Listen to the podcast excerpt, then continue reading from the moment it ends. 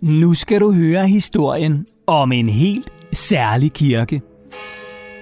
Og du har nok gættet, at det, der bimler og bamler i baggrunden, men at det er lyden af kirkeklokker. Og selvom du måske mest af alt tænker på bryllupper, barnedåb eller begravelser, når du hører lyden af kirkeklokker, ja, så er der altså også helt særlige og ret spændende historier knyttet til en del af de danske kirker. Og en af de kirker hedder He Kirke og ligger i den vestlige del af Jylland. Ikke ret langt fra Vesterhavet. For ikke nok med, at kirken er ret stor, er en landsbykirke at være. Ja, så rummer kirkens historie også fortællinger om spøgelser. En sten, der efter sine kan forudsige vejret. Og ikke mindst historier om trolde. For ifølge fortællingerne er He Kirke nemlig ikke bygget af mennesker som du og jeg, men derimod af trolde. Hvilket måske også forklarer, hvorfor kirken er så stor, som den er.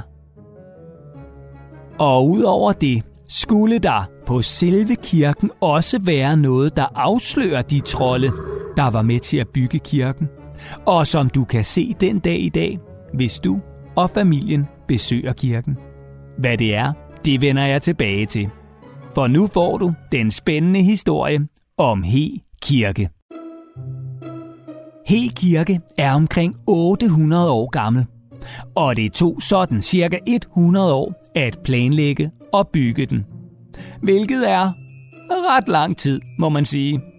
Prøv engang at forestille dig, hvis du skulle bruge 10, 20 eller 30 år på at bygge et tårn i Lego. Det ville være fast arbejde. Nå, men He Kirke er altså slet ikke bygget af mennesker, men af trolde, hvis man skal tro på nogle af de gamle historier om kirken. For dengang i gamle dage, ja, der troede man på trolde.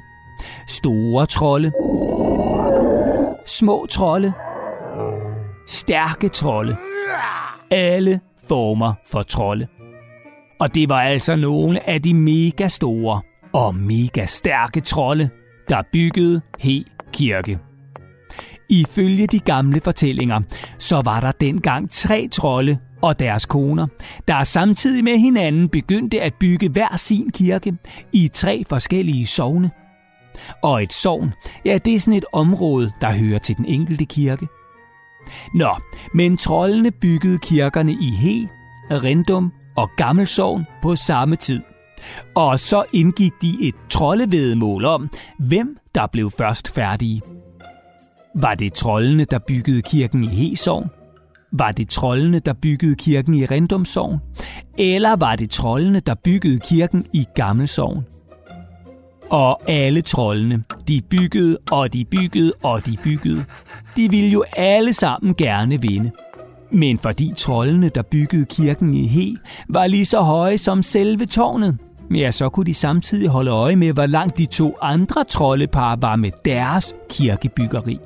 Og snart gik det op for trollene fra He, at de var langt bagefter de to andre troldepar. Og så blev troldefar sur. Derfor tog han sine troldehandsker, fyldte dem med jord og kastede dem alt, hvad han kunne mod de to andre kirker. Handskerne fyldt med jord ramte ved siden af kirkerne. Og faktisk kan man den dag i dag stadig se en stor jordvold ved siden af hver af de to kirker. Og det er efter sigende resterne af den ene handske, som troldefar kastede. Nå, men fordi handskerne altså ikke ramte de to kirker, som det ellers var meningen, ja, så blev trollene, der var i gang med at bygge he kirke, så spændt rasende og ar i, at de, tro det eller ej, sprængtes i stumper og stykker. Så tænk lige over det næste gang, du bliver rigtig hissig. Du kan risikere at springe i luften, ligesom trollene. Nå, men trollene blev altså sprængt i stykker af bare raseri. Og da det skete, ja, så borede deres hoveder sig fast i kirketårnet. Og dem kan du altså se den dag i dag. For på vestsiden af tårnet kan du se ansigterne af de trolde, der altså skulle have bygget kirken, aftegnet på stenene i muren. Lidt vildt og lidt creepy. Men troldefortællingerne er ikke de eneste historier, der knytter sig til He Kirke. Kirken har også sit helt eget spøgelse, nemlig præsten Jens Gjødstrup, der var præst for mere end 300 år siden, og som efter sigende stadig huserer i kirken. Jens fik i sin levetid hele 22 børn. Der skulle dele mig skiftes nogle blæer, og af dem dannede han et helt sangkor, der ifølge historien sang så smukt som engle. Og de skulle altså synge videre den dag i dag. Det siges nemlig, at man i dag stadig kan høre den gamle afdøde præst øve med sit kirkekor af børn, og altså høre skønsang fra kirken, selv når den er lukket og slukket. Gisp. Sidst, men ikke mindst, har He Kirke også en helt særlig sten. Og her taler jeg altså ikke om en særlig gravsten, men om en helt anden sten.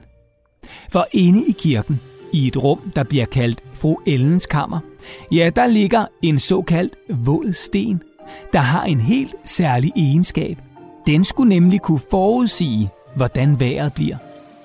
For stenen kan nemlig blive våd, eller fugtig, helt uden det har regnet, eller nogen har hældt vand på den. Og når det sker, skulle der være et værskifte på vej. Ret sejt.